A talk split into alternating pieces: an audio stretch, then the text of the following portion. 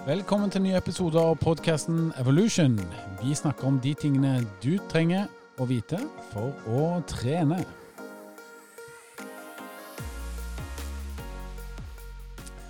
Hjertelig velkommen til ny episode. Henning heter jeg, er på plass. Jeg har vært som vanlig, og med meg så har jeg den eminente Halvor Laustad.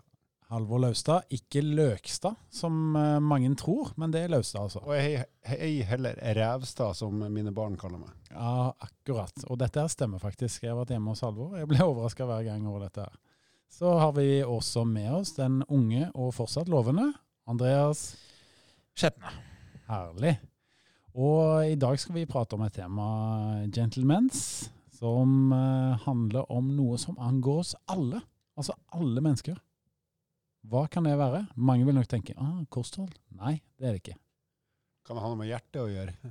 Det er puls, og hvis vi ikke har puls, så lever vi vel ikke, rett og slett. Så puls og intensitet skal vi snakke om. Intensitet er jo kanskje noe som gjelder for alle det òg, uansett om du trener eller ikke. Definitivt. Hvis du ikke trener, så er intensiteten stort sett altfor lav. Men det er fortsatt intensitet. Yes. Uh, puls og intensitet er noe som uh, er egentlig litt sånn myteomspunnet, det òg. Uh, så i dag skal vi prøve å avdekke noen sannheter som du kan ta med deg videre i din trening. Men før vi går så langt, eh, hvordan står det til med treningshverdagen? Eh, har du sykla noen nye mil, Halvor? Yes, jeg sykla til hytta på fredag. En fin og hyggelig eh, tur på 20 mil, men det var, det var fint vær. Skulle sykle hjem igjen på søndag, men eh, etter ti mil med kraftig motvind, kraftig regn og tre plussgrader, som i praksis var minus, så stoppa jeg i Horten og ble henta der. Så eh, fin start på helga, tragisk slutt. det kan man vel si. Men det var jo overraskende kaldt denne helgen her, eh, når folket her skulle bli ute for å trene. Jeg kan illustrere hvor kald jeg var på hendene når vi stoppa i Horten. Var, da gikk vi inn på en Esso-stasjon, og da var jeg så kald på fingrene at jeg måtte sette meg når jeg skulle pisse. Ok, det, så det er da Og det var så vidt det hjalp. ja, nå tror jeg jeg skal stoppe meg sjøl for det neste jeg skal spørre om. Men eh, når man løper, så kjenner man gjerne ikke den kulden på samme forskjell. Og det har litt med ja, luftmotstand, rett og slett. Eh, Når du sykler alt fra ja, 30 km i timen til 50 km i timen, Halvor, eh, så, så er det jo sånn det er jo en del luft som eh, pisker, ut. pisker mot kroppen. Så det er vel derfor det ble kaldt, da. Ja, definitivt. Og når du har motvinder i tillegg, så var det var rett og slett trasig. Mm. Andreas, hvordan går det med treningen din? Du, nå begynner jeg å få litt flytt flyt på den løpinga. Nå, forrige uke så eh, var jeg oppe på den nest lengste uka jeg har hatt, eh, på 7,6 mil. Uh, mye for noen, og veldig lite for uh, de som driver med idrett på høyt nivå. Mm. Merk at han Andreas måler ei uke i antall kilometer og mil, mens vi andre måler i antall dager. Ja, det sier noe om eh, Andreas, det. Ja, eh, for min egen del da, så kan jeg si at eh, løping går ganske bra. Jeg eh, har blitt litt lettere de siste par ukene, og det merker jeg eh, stor forskjell på løpingen. altså. Så, så er det sånn at uh, hvor mye du veier, det har jo noe å si. Uh, når man ser Therese Johaug gå opp denne monsterbakken på slutten av uh, Tour de Ski, og hun er jo veldig lett, da, så skjønner man uh, hvorfor at hun flyr forbi konkurrentene. Det er ikke bare at hun er i veldig god form, men det også noe med vekten å gjøre. Nå sitter jo Halvor her og gliser, og det, det må jo være fordi at han tenker på hvordan du ser ut fra Barcode og opp til Ryen. Og at det ikke har samsvar med Therese Johaug på noe som helst grunnlag. Ja, absolutt ikke.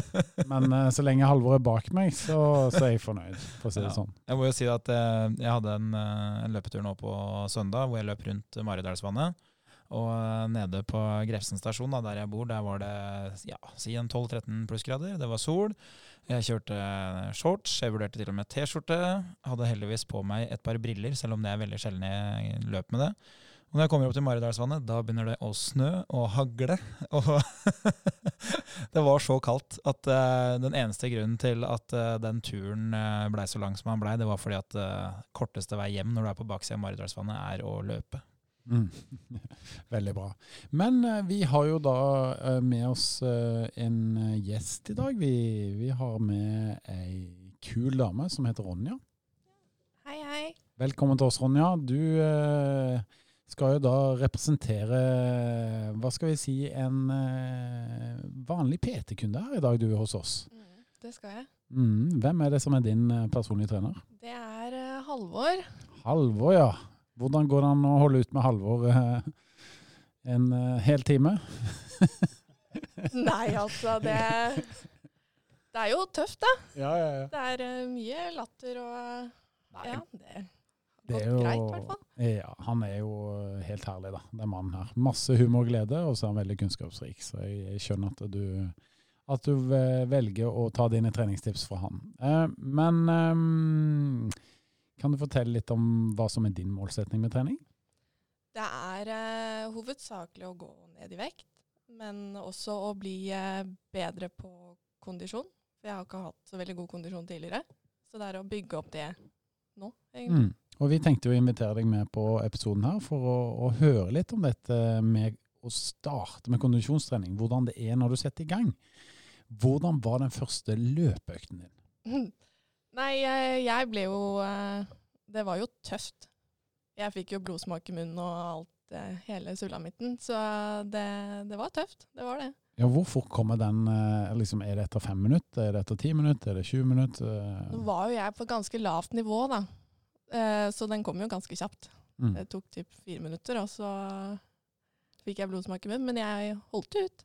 Og jeg tror at mange kan kjenne seg igjen i da, hvordan det både oppleves, og hvordan man tenker om økten man er inne i underveis. Eh, hvordan, altså, vurderte du å bryte, eller hva tenkte du underveis i den økten? Hvis jeg ikke hadde hatt Halvor, så hadde jeg nok eh, måttet bryte. Ja, ikke sant? Ja. For hvis ikke, så Jeg vet at han er der, og at eh, han pusher. Og hvis ikke jeg fullfører, så da blir jeg snakka til. Så da, det pusher meg til å fullføre det. Mm. Men hvor langt skulle du løpe den første økta, eller hvor mange minutter? Det var vel tre kilometer. Tre kilometer. Mm. Og det gjennomførte du på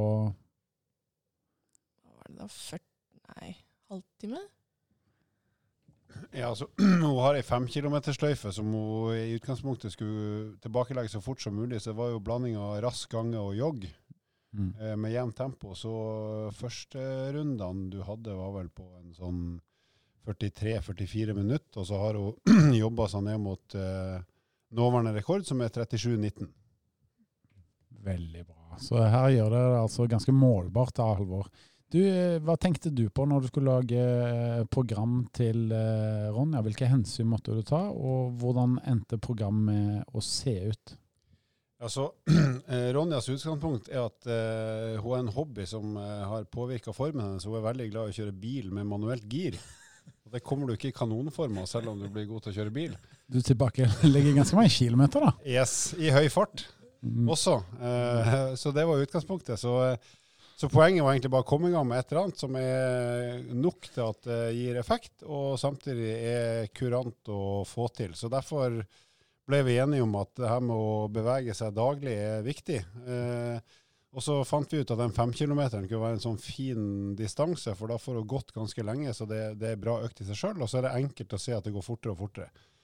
Så målet er egentlig at hun skulle ta den runden minst fem ganger i uka i utgangspunktet. Så skal vi legge på med litt annen type trening etter hvert, men det var liksom startpunktet for å bare komme i gang med noe som gjør at formen blir bedre. Og så kan vi øke intensitet, varighet og innhold i øktene etter hvert. Så vi er jo egentlig kommet til neste fase nå, da. Mm. Men eh, varte det veldig mange økter eh, før du begynte å merke litt forskjell, eller? På formen? Det var vel økt nummer tre som jeg begynte å merke forskjell. At eh, jeg kunne løpe til nærmeste, eller lysestolpen som var etter, og ting jeg kunne løpe lenger uten å måtte stoppe å gå. Så det var økt tre. Så begynte jeg å merke stor forskjell. Ja, og Da tror jeg mange tenker at eh, bare etter tre økter, det var jo ganske tidlig å merke forskjellen på. Ble, ble du nå overrasket over å kjenne det så tidlig, at eh, fremgangen begynte å komme? Ja, jeg ble veldig overrasket. Jeg var ikke forberedt på at det skulle ta så kort tid som det gjorde. Mm. Og så fortsatte, du noen økter til. Når kom neste milepæl? At eh, du kjente enda en gang at eh, oi, nå begynner formen å komme seg. Det var vel når jeg kom eh, på 37,19. Det var vel da det var at nå Ja. Nå merker jeg stor forskjell. Du persa rett og slett? Ja. Mm. Jeg gjorde det. Har du noe forhold til sånn intensitetssoner, altså puls og intensitet? Har du noe forhold til det som fra før? Nei, egentlig ikke. Bra. Men uh, tenkte du på puls og intensitet når du satte opp uh, dette programmet sånn i starten, Halvor, eller? Nei, jeg har ikke snakka om puls enda. Har, vi har bare blitt enige om at hun skal gå sånn at hun er andpusten, men ikke, ikke så sliten at hun ikke klarer å fullføre. Så det er egentlig snakk om å finne et tempo hun kan holde jevnt hele runden. Og da er egentlig spørsmålet hun skal stille seg hele tida, kan jeg gå fortere og likevel klare det, eller må jeg roe ned farta for å komme i mål, sånn at hun hele tida justerer hastigheten ganske hyppig, sånn at hun kontrollerer hvor langt det er igjen, og hvor fort kan jeg gå, eller jeg må eventuelt justere farta litt ned for å, for å komme meg gjennom. Så det er mer sånn her bevissthetsøkt, at hun skal snakke litt med seg sjøl og kjenne på pust og muskler. Ja, og dette tenker jeg er superrelevant for veldig mange som ikke har løpt på en stund, eller ikke har løpt noe særlig i det hele tatt. Og det kjenner på de subjektive faktorene. Altså hvordan oppleves den økta her? Og kun fokusere på det i starten, og heller begynne å jobbe med puls og intensitet mer sånn på et uh, objektivt nivå etter hvert. da. Um, eller hva tenker du om det, Halvor? Absolutt. Og nå har vi jo kommet hit at uh, hennes nye øktplan er to ganger i uka så skal hun trene intervall. Og da skal hun trene ti ganger to minutter. Med, og da skal hun jogge skråstrek løpe i de to minuttene. Og etter hver økt så skal vi sjekke sånn cirka hva hun har hatt i snittpuls, sånn at vi begynner å få et forhold til pulsen hennes i sammenligna med opplevd intensitet. Så vi kan begynne å, å, bruke pulsen litt mer aktiv som en sånn intensitetsstyrer og intensitetsindikator. Mm. Hva tenker du Ronja, når du hører om det som PT-en din planlegger for den neste fasen av treningen din? Nei, altså jeg er jo, jeg er jo med på alt. Men jeg vet at det kommer til å bli tøft. Det gjør jeg. Og ja. at jeg må si ifra til eh, Halvor hver gang jeg har fullført en økt, og hvordan ting går når jeg trener hjemme på egen hånd. Så det kan bli interessant å se.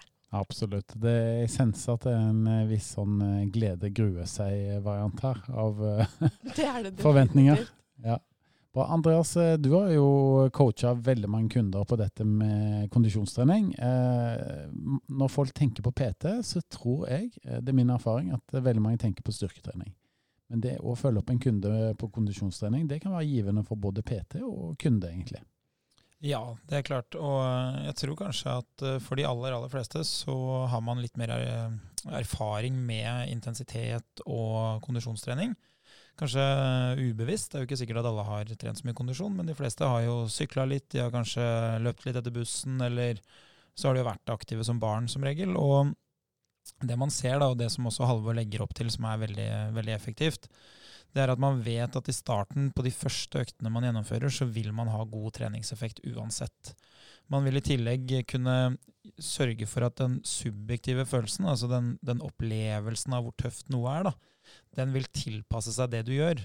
Sånn at selv om du ikke blir i bedre form, så vil du nesten garantert kunne løpe litt fortere eller holde på litt lengre neste gang. Så det å ha fokus på at uh, man bare skal gjennomføre, og at man skal få godt treningsvolum, få liksom litt tid hvor man faktisk trener, det er veldig smart å starte med.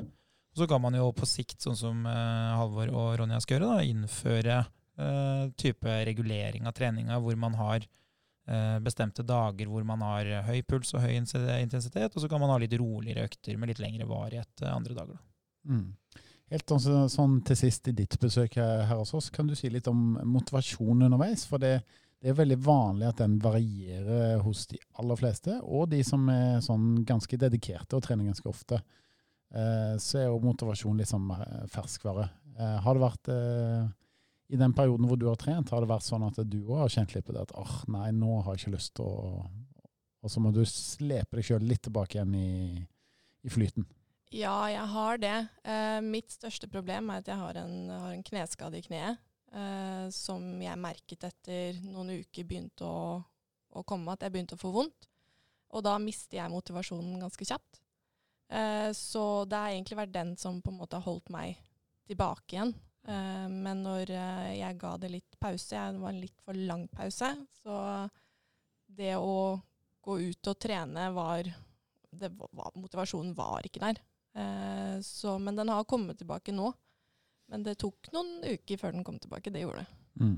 Dette er jo egentlig en sånn kjent problemstilling for oss som er PT-er. Og da gjelder det ofte å ha en plan B da, for aktiviteter som man uh, kan gjøre istedenfor den aktiviteten som man gjerne får litt plager og litt vondt av. Hvilken aktivitet er liksom plan B som du vil anbefale for eh, Ronja da, Halvor? Ja, nå som treningssentrene er stengt, så har jeg sagt at uh, bare det å bevege seg, tenker å være fort en gang, det, det, er alltid bra for hodet ditt, så du føler at du har gjort noe hver dag. Uh, og det kan være å rusle i skauen eller egentlig hva som helst annet enn å sitte og kjøre bil. Uh, I hennes tilfelle. Så det, det er et banalt tips som funker for alle, egentlig. Og når treningssenteret får åpne igjen, så er det jo et bøttevis av aktiviteter det går an å gjøre der som ikke belaster kneet på samme måten som, som jogging og løping. Ellipsemaskinen kanskje spesielt, og romaskinen har jeg lyst til å teste litt etter hvert som vi kommer i gang igjen. Mm. Men alle som kommer fra Enebakk er vel glad i bil? Jeg tror det. For jeg har jo sykla der en del ganger, de er i hvert fall glad i å tute når de sitter i bilen sin. Og vi ja. som uh, sitter og trør litt for sakte, får beskjed om at vi burde flytte oss. Og hvor kommer du fra, Ronja? Nei, jeg kommer jo fra Enebakk, da. Men eh, når eh, folk greier å sykle ordentlig halvår, så tuter ikke vi i Enebakk. Se der, ja. Herlig. Det var en, eh, et friskt spark fra Peter Gunden til Halvor. Ronja, tusen takk for at du var innom. Jo, takk skal du ha. Veldig bra. Vi gleder oss til å følge deg videre og følge treningen din. Så mm, med det sagt så skal vi fokusere litt videre vi, på puls og intensitet. Og jeg har lyst til å spørre deg da Halvor, når er det lurt å bruke puls eh, sånn egentlig? I treningssammenheng så vil jeg si at puls eh, er en veldig god indikator og kontroll når du trener kondisjonstrening. Og jeg ville sagt det så enkelt som at kun til kondisjonstrening vil pulsen være nytt, et nyttig hjelpemiddel. Det går selvfølgelig an å være uenig, men det er iallfall min personlige mening.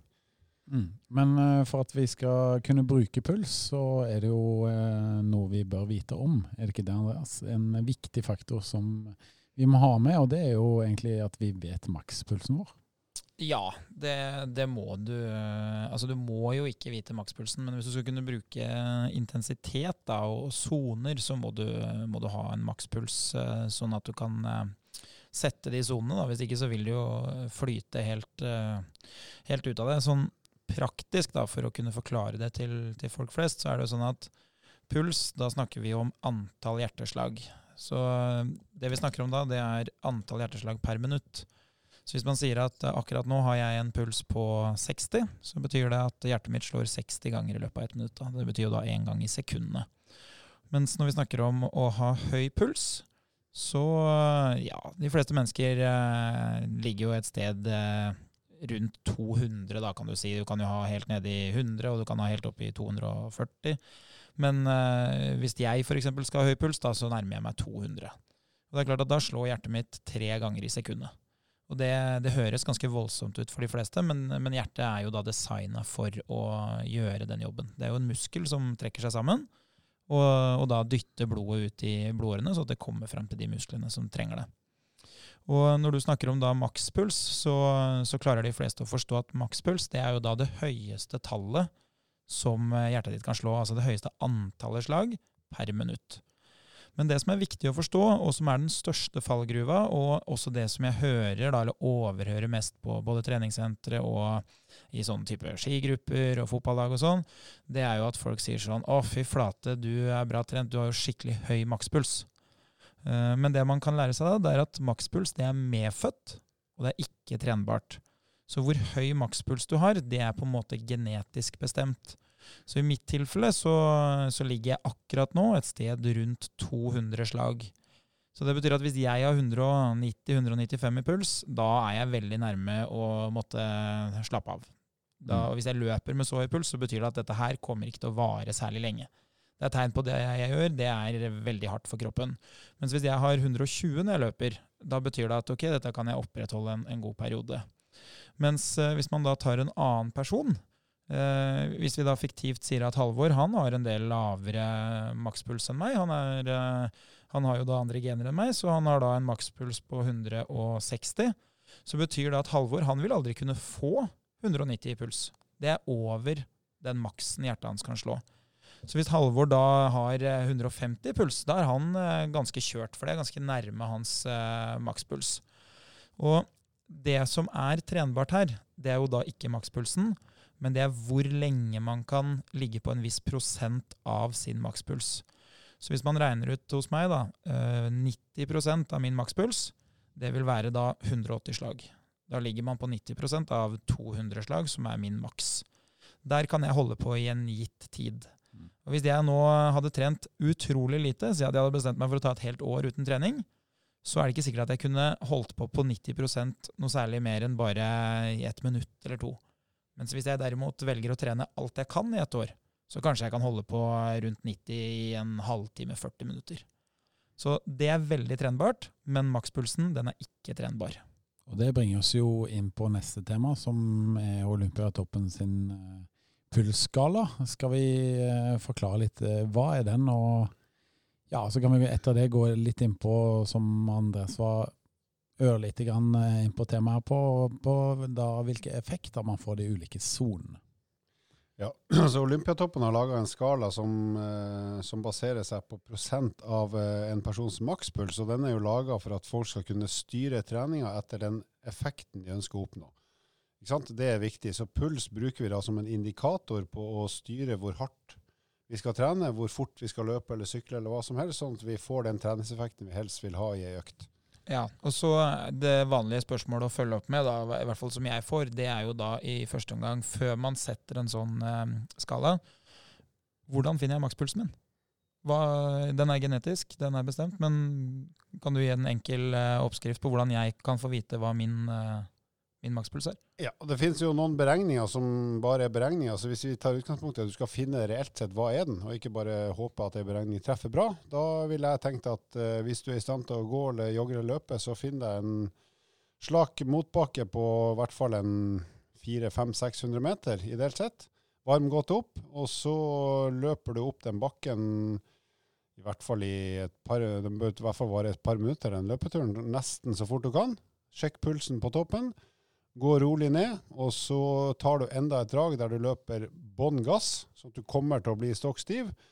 Og så sjekker du pulsen din når du er helt ferdig, altså når du har tatt ut alt på toppen av den bakken, eller så langt du kommer, og så ser du hva er pulsen min nå, og så kan du holde den, holde den pulstellinga i hvert fall i en 10-15-20 sekunder etter at du har stoppa, for det er av og til at den pulsen dunker ut et par slag ekstra selv om du har stoppa, for det er litt sånn forsinkelse. Da har du fått en bra indikator på en, en personlig makspuls.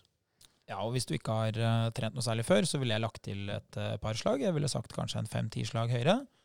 Uh, hvis du har trent veldig, veldig mye før, så vil du nok kunne bare bruke pulsklokke for å, for å, anslå hva makspulsen din er, for da har du jo ganske god erfaring.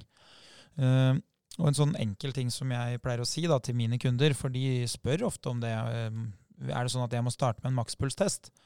Og da pleier jeg å si at hvis du ikke har trent noe særlig før, så er målet vårt å få god treningseffekt. Så målet er også å finne ut hva makspulsen din er, men vi kan godt få litt treningseffekt mens vi finner ut av det. Så vi kan godt si at vi gjennomfører en fire-fem økter nå på jakt etter den makspulsen. For det blir jo bedre trent mens vi prøver å finne ut av den. Så man slipper liksom å ha den første økta hvor man skal sprenge hele greia. da. Og Det er et godt tips det du sier der. For jeg har kjørt eh, makspulstest på en del kunder. og det som jeg merker at eh, Hvis du har gjort det da på noen som ikke er så veldig god form, så er det lett å bli ganske uvel, rett og slett. Eh, når man kommer høyt opp i sonen og skal, skal, pushe seg. Og det er bare det er bare den måten du kan finne makspuls på hvis du skal kjøre en ordentlig makspulstest. Det er å pushe seg, altså. Eh, eksempelet med Ronny her, der, der, kommer vi jo i den første ti ganger tominuttersøkta som vi skal ha i overmorgen. Så kommer vi til å legge opp dragene sånn at de, det første draget kommer til å være veldig kontrollert. og så kommer, så kommer, vi til å sjekke puls, og så blir det litt tøffere i neste og bitte litt tøffere i det tredje. Så legger vi på litt og litt og litt i hvert drag, sånn at vi er helt sikre på at det kommer til å øke i puls. Men siste draget kommer ikke til å bli maks, men det kommer til å bli en del tyngre enn det første, men da har vi allerede fått en del pulsverdier uten å hente ut maks. Og så vet vi at neste økt kommer vi til å tyne enda litt til, så da kommer vi til å være enda nærmere den reelle makspulsen. Men i løpet av som du sier, Andreas, kanskje fire-fem av de øktene der, så har vi vært oppe på en reell makspuls på kanskje siste draget i økt nummer fem. Ja, og så er det jo sånn at hvis du har gjennomført en si en fire-fem økter, da, og du har sett på pulsen hver gang, og du har også liksom fått prata med den du trener, eller du selv har gjennomført treninga, da, så vil du kunne begynne å anslå med, med ganske god margin. Altså du, eh, hvis du har gjennomført fem intervalløkter, så bommer du ikke med mer enn maksimalt 20 slag på den makspulsen. Og det er mye å bomme med. Mens hvis du aldri har trent før, så kan man faktisk potensielt bomme med både 60 og 70 slag.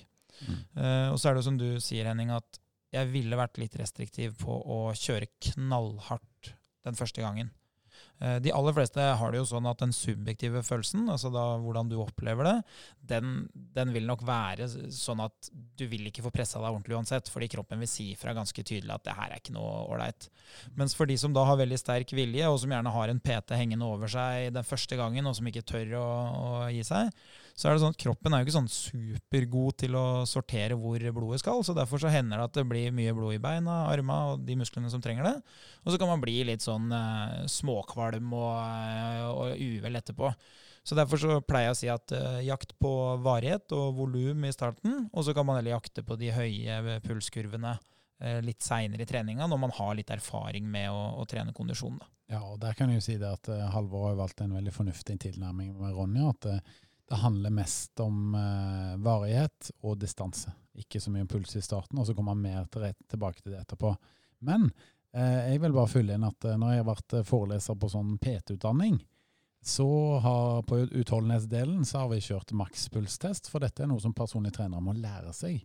Og det finnes en del personlige trenere som har trent mye styrke og gjerne ikke så mye kondisjon. Og når de da skulle teste dette her, eh, si at vi var 20-25 pers i klassen, da, og vi skulle teste makspuls på hverandre, eh, og gjennomføre en sånn test på hverandre, som PT og kunde, eh, så så vi da at eh, kanskje de som var mest hva skal jeg si, utilpass og mest uerfarne med kondisjonstrening, kanskje en tre-fire-fem personer i den klassen, begynte da å føle seg uvel. Så det er et litt sånn eksperiment hvor vi så dette i praksis. da. Og um, det som kan være greit å vite, da, det er at eh, hvis målet ditt er høyere forbrenning, bedre kondisjon, så vet man jo at eh, det å trene intervaller vil være mer effektivt enn å trene rolig. Vi skal jo begynne å gå gjennom de, de sonene. Men for en person som ikke trener, så vil all kondisjonstrening være bedre enn å ikke trene. Sånn at det er veldig stor forskjell på å trene kondisjon og det å ikke gjøre det. Så når du går i gang, så er det ikke noe problem å velge en kondisjonstype som er litt roligere og litt mer sammenhengende arbeid, fordi effekten vil være så stor uansett. Så det er ikke sånn at ok, nå skal jeg gå i gang, eh, da er jeg nødt til å klinke til med intervaller for å bli i form. Du vil bli i god form om du ikke løper intervaller òg. Det er bare at eh, når du først trener en del, så kan det være smart å systematisere det. Ja, for der syns jeg jo virkelig at kondisjonstreningen skiller seg litt fra styrketreningen. Eh, på styrke så er det ofte sånn at man må jo pushe seg selv en del for å få fremgang, men på kondisjonstrening så kan jeg ha veldig stor, eh, stort utbytte av rolige økter, Halvor. Mm. Da får du jo uh, masse volum, ikke sant. Uh, og det er litt vanskeligere å dunke inn masse volum i styrketrening uten å bli stokkstiv, rett og slett for det er så uh, det er jo stort sett er en muskelgruppe som jobber i en viss tid. Så- så på kondisjonstrening så kan du rett og slett bygge former og bevege deg mye, men ikke så knallhardt. Mm. Og toppidrettsutøverne våre de eh, trener ganske mye da i de lave sonene. Ja, de trener med Altså De trener jo veldig mange timer per dag og per uke, så de, de flesteparten av de timene er jo med begrensa intensitet. Men så skal vi være klar over at når en løper som Ingebrigtsen-gutta f.eks. springer på det vi kan si er lav intensitet, lav puls, så løper de fortsatt fort. Men det er jo for at de er så utrolig gode til å løpe. Så det er jo forskjellen på en som er god til noe og en som ikke er så god, det er at eh, man får gjort ganske mye også på lav puls når du er kjempegod til noe og, og er i god form. Hvordan oppleves de eh, lave sonene sånn i, i, eh, i puls? Altså, hvordan er opplevelsen av sone 1 og 2 f.eks., Andreas? Det avhenger veldig av hvor godt trent du er. Eh, og det som jeg kan si at er den store utfordringa mi da, som trener eh, for kunder som ikke har trent mye før, det er at det er et veldig, veldig lite spenn mellom rolig og knallhardt når de skal løpe. Eh, og det skyldes eh, graden av kondisjon, da de har ikke god nok kondisjon. Sånn at eh, bare det å løpe gjør egentlig at de er ganske høyt oppe i sine pulssoner og sin intensitet. Så de, de har på en måte ikke ikke mulighet til å løpe rolig, da. Selv om farten er lav sammenligna med en godt trent person, så er jobben kroppen deres gjør, den er så tøff at de har egentlig ikke så veldig mye mer å gå på. De har ikke noe særlig flere gir. Mens for min egen del, da, som har brukt mye tid på, på løping, så, så vil jo det på en måte bli et større spenn mellom rolig og, og tøff trening. Eh, og det betyr jo at hvis jeg da er med i PT-timer og løper, som jeg da er en del ganger, for å få litt kilometer sjøl, og da også i de litt roligere sonene som jeg har behov for, så kan det jo være sånn at uh, jeg kan jo da løpe, prate med den som løper ved siden av meg, uh, og basert på hva vi vet om, om intensitet, så kunne jeg kanskje ha holdt på med den farta i både si fire timer, seks timer, åtte timer, og det har jeg også gjort i enkelte konkurranser. Uh, mens den jeg løper med, den er ute og løper intervaller, og der står det om vi klarer fire minutter, eller om vi må gi oss etter tre.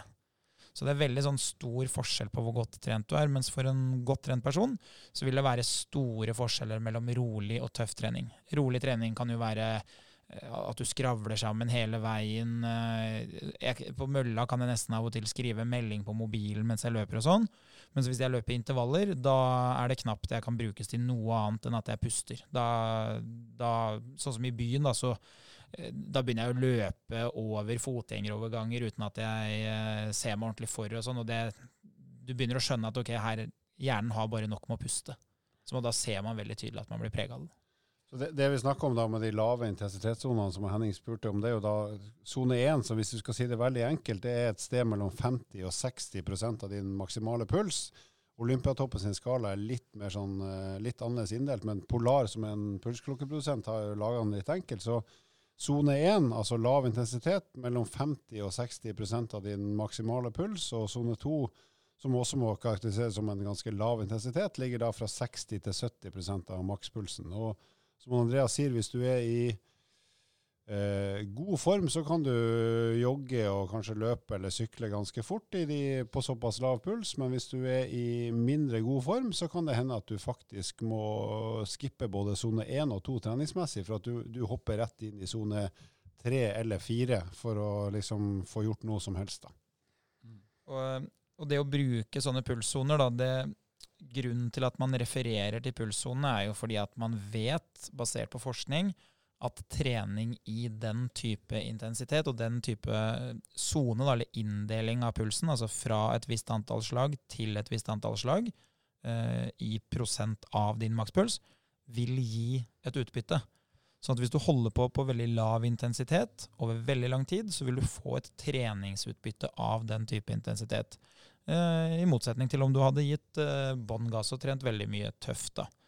Og sånn enkelt eh, inndelt så sier man ofte at tøff trening det trener hjertemuskelen, og det trener kroppens evne til å ta opp oksygen, sånn at du kan få tilgang til mye oksygen. Mens rolig trening det trener kroppens evne til å bruke det oksygenet som er til stede. Så da blir kroppen rett og slett litt mer gjerrig. Den, den er, blir litt smartere på hvordan den skal bruke den energien som finnes til stede. Mm. I tillegg til at rolig trening gir ofte mulighet til å trene mer. Fordi du blir eh, bedre på belastning. Du, for en løper så vil rolig trening kunne sørge for at du kan løpe mer uten å bli skada. Mens tøff trening er ofte det som gjør at du kan løpe fortere, da, rett og mm. slett. Mm. Hvis vi ser på Polar sine pulssoner, så strekker jo eh, de sonene seg da fra 1 og 2, som er ganske lette soner. Eh, når du forlater sone 2 og går opp i sone 3, da begynner du å bli litt mer andpusten. Eh, det blir litt tøffere. Du ligger omtrent på 70-80% av makspuls. Så har du sone 4, som er 80-90% og når vi er i sone 3, sone 4, da er vi ofte på det nivået som folk bør ligge på når de skal løpe eller sykle intervaller, da. Uh, men sone fem, er, er, det sånn at, uh, er det sånn at folk flest er noe særlig oppe i sone fem, eller? Altså, Min mi erfaring er når jeg trener folk, det er at når vi skal trene det jeg vil kalle tøffe intervaller, der vi holder på i, med intervallengde på et eller annet sted mellom to til fire minutter, så ligger vi stort sett rundt 90% av makspuls pluss minus 2-3% Så kanskje fra 87 til 93% litt avhengig av hvor gira kunden er, og hvor god form kunden er i, og, og hvor i økta vi er. Sånn at, uh, så svaret mitt er ja, jeg toucher som regel innom sone 5, men stort sett så, så jobber jeg i sone 4 på et eller annet nivå, enten med meg sjøl eller med, med, kunder som skal ha en forbedra uh, hjertekapasitet, altså øke pumpeevnen for å smelle ut mer blod og levere mer oksygen til de musklene som, som trenger oksygen for å bevege seg fortere. Ja, og Min erfaring da, det er at de ferdiginnstilte pulssonene som finnes på pulsklokkene, de egner seg veldig godt for den personen som ikke har trent. Så hvis det er den første klokka du kjøper, og du skal begynne med utholdenhetstrening, så vil jeg nesten ha fulgt de pulssonene. For de er litt snillere. De gjør også at du vil få litt mer tid i de sonene. Uh, og det er jo sånn at hvis du har trent lite, så, så vil vi jo da både subjektivt, som vi snakka om i stad, som er min opplevde slitsomhet av treninga, men også den reelle utbytten du får da av, av treninga, den vil være ganske godt forenlig med det som, som pulssonen er. Men med en gang du har trent litt, når jeg da skal hjelpe eh, kompiser av meg som har trent mye med, med pulsklokka si, så vil jeg ha switcha over til å bruke Olympiatoppen sine. For i de øverste sonene så ser man gjerne at hvis man, eh, hvis man bruker de ferdiginnstilte pulssonene til eh, klokkeleverandørene, så vil man kunne få sånn to timer i sone fire. Og da vet man at du har vært to timer innafor den prosentandelen, men det utbyttet som, som, man gjerne snakker om i sone fire, det har du nok ikke fått. For det har ikke så lang eh, varighet. Eh, for de fleste så kan man si at hvis du hadde tatt på deg joggesko og løpt en 10 km, så, så, hadde en 10 km løpetur da, Hvis du løper maks av det du klarer, da vil nok ganske mye av tida være rundt sone 4.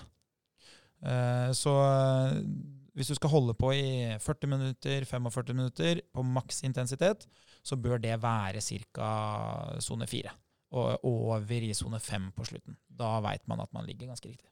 Og Nå kommer en ting som jeg syns er viktig å si, og det er at uh, den pulsskalaen uh, Nummer én, du må jo vite makspulsen for å treffe rett. Og så fungerer den best når du gjør ting du kan, altså tekniske bevegelser du får til. Så jogging, løping er noe de fleste får til, selv om det kan se rart ut. Men hvis du f.eks. en dag tenker at nå skal jeg sykle istedenfor å løpe, så kommer du til å få sjokk, for du kommer til å stivne i beina på en mye lavere puls enn du gjør i løping, fordi at du ikke er så vant til å sykle. Så veldig grovt sett, hvis du f.eks. gjør en annen aktivitet enn det du kan best, eller gjør mest, så må du anta at du i hvert fall kan i teorien ta ned den makspulsen med 10-15 slag for å få en fornuftig vurdering av hvor høy puls tåler jeg i x antall minutter. Så så typisk eh, når du skal sykle, så vil du se at, eh, at du får eh, sure bein en 10-15 slag lavere, og skal du svømme, så er det sannsynligvis enda lavere enn det igjen. Så det er en del sånne aktivitetsspesifikke pulsutviklinger som du rett og slett bare må ta inn over deg at er forskjellig for at du ikke har gjort så mye av de ulike aktivitetene. Ja, og der har jeg en veldig, veldig god historie fra, fra egen uh, erfaring. Hvor jeg eh, var i Syden, og så eh, Det var en periode hvor jeg hadde en tanke om at jeg skulle være med på noe triatlon. Eh, så jeg hadde tatt med meg utstyr så jeg kunne svømme i bassenget på kvelden og svømme treningsøkt. Og i den perioden var jeg da kanskje på toppen løpsmessig, som betyr da at jeg hadde veldig god kondisjon og veldig, jeg hadde veldig god kontroll på hvor høyt jeg kunne ligge i puls og hvor lenge. Så tar jeg på meg utstyr for å svømme i bassenget, svømmer frem og tilbake, skjønner jo ganske kjapt at dette her er ganske tøft. Og det er litt vanskelig for meg å se på pulsklokka mens jeg svømmer, men den sto og gikk. Og jeg svømmer ikke veldig lenge, men jeg svømmer til jeg, til jeg nesten sikler i bassenget der. Ser på klokka, og da har jeg 45 slag lavere puls enn hva jeg antar at jeg har. Og problemet da, det er at kroppen min den, den har ikke trent noen verdens ting på å svømme. De musklene som brukes når jeg svømmer, de har jeg nesten ikke trent. Så musklene som jeg brukte, de var i ferd med å si at eh, den jobben du ber om nå, den klarer ikke vi å levere. Men det totale forbruket av oksygen var jo ikke høyt nok til at pulsen trenger å bli høy nok. Og da ser man at man må velge den type trening som, eh, som man er god til, hvis man rett og slett skal få godt utbytte. Altså. Så vil jeg gjerne komme med et tips som jeg i praksis har lært av min eh, relativt gode venn og relativt dårlige kollega Henning Holm. Og det er hvordan kan jeg klare å løpe med litt høyere puls enn det jeg egentlig tror jeg får til. Og det er rett og slett motbakkeløp, enten på mølle eller utendørs. Da viser stort sett all erfaring at du Da går jo farta litt ned, men da ser det ut som at du tåler faktisk å ligge på en litt høyere puls enn om du hadde løpt flatt. flatt for på flat løping så må du holde høyere fart for å pushe opp pulsen. Så motbakkeløping og sannsynligvis motbakkesykling òg kan være en måte å få trent med høyere intensitet eh, uten at du blir mer stiv eh, enn normalt. Og Måten eh, vi da gjorde det på, det var at jeg lurte deg med på motbakkeintervall løping. Ja, det var en relativt ålreit uh, opplevelse. Jeg ble overraska over at jeg tålte å ligge på så høy puls uh, i den løpinga i forhold til det jeg Mm. vanligvis gjorde når jeg løp flatt. Ja, og når vi snakker om intensitet, da, og at man skal ligge høyt i puls og lavt i puls, og vi var inne på at eh, det å holde på lenge rolig gjør deg god til å, til å bruke det oksygenet som du, som du har tilgjengelig, sånn at du blir litt mer gjerrig på, på det du eh, bruker av energi, så er jo grunnen til at du eh, skal trene med høy intensitet, da, og hva som egentlig skjer der, det er jo at hvis du eh, velger å løpe intervaller, så vil du kunne løpe på en fart og på en intensitet som er tøffere enn hva du egentlig er i stand til. Og så vil de pausene imellom hver enkelt intervall gjøre at du kan få lov å hente deg inn, og du kan få mer oksygen enn det du trenger, så du får rydda opp litt i, i den melkesyra som har kommet i, i kroppen. Og det man ønsker, da, det er jo at sone fire og fem skal være ca. rundt der hvor du får nok oksygen. For kroppen, den, eh, i takt med at du trener, den vil jo kunne få mer oksygen, og da vil du kunne flytte den grensa oppover på den eh, pulsskalaen din. Og for de fleste så ligger det sånn, ja, for utrent kanskje rundt 80% og for godt trente så kan det ligge helt oppe i 94% Og da skal jeg spørre dere, helt på tampen her, hva er favorittsonen deres å ligge i? Nå tar vi eh, utgangspunkt i fra sone 1 til 5, den enkle versjonen her. Hva er favorittsonen din, eh, Halvor? Eh, min favorittsone både på sykkel og i løp er sone fire. For den, er, den har egentlig ganske stort spenn, så den kan være knallhard eller den kan være relativt kontrollert. Akkurat som en viss kroppsdel. Det er lov det når du er nord for polarsirkelen, så er det sånn at jeg lov å si. Nord for Sinsen. Så gjør du det som østlending, så blir du avskilta.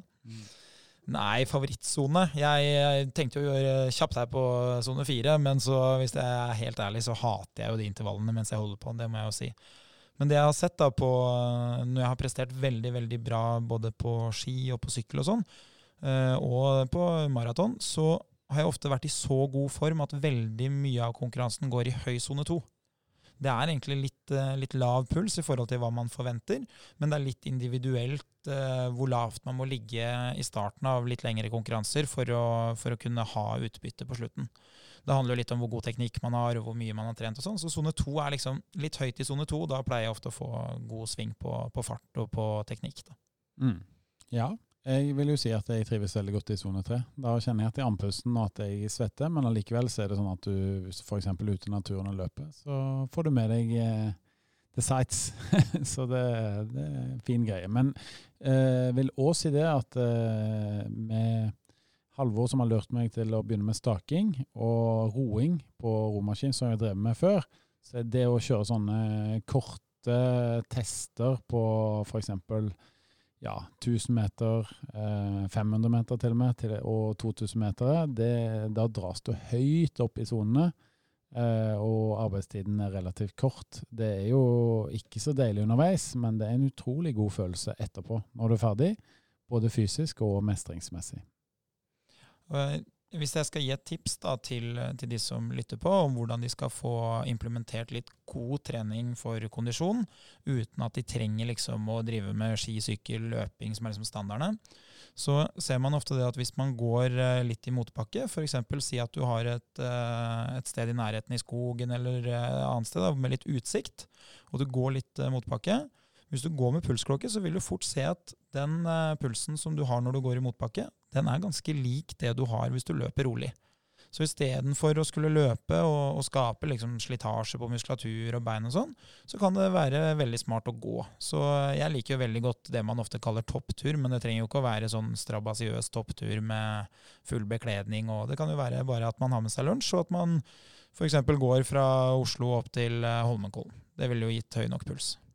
Veldig bra. Med det sagt så håper vi at dere har fått uh, veldig mange gode tips, og at dere har litt sånn motivasjon, uh, muligens inspirasjon, så setter jeg i gang med litt sånn uh, intensitetsstyring. Sannsynligvis ikke, men det er lov å håpe.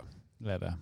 Nå skal jo Andreas si sitt ja, sitt så populære avskjedsord. Men hvis du skulle hatt et avskjedsord, Halvor, hva ville det vært? Eh, drit og dra, ha det ganske bra. jeg tror det er noe helt annet. Jeg tror du hadde sagt 'auf Wiedersehen'. Det er faktisk sant.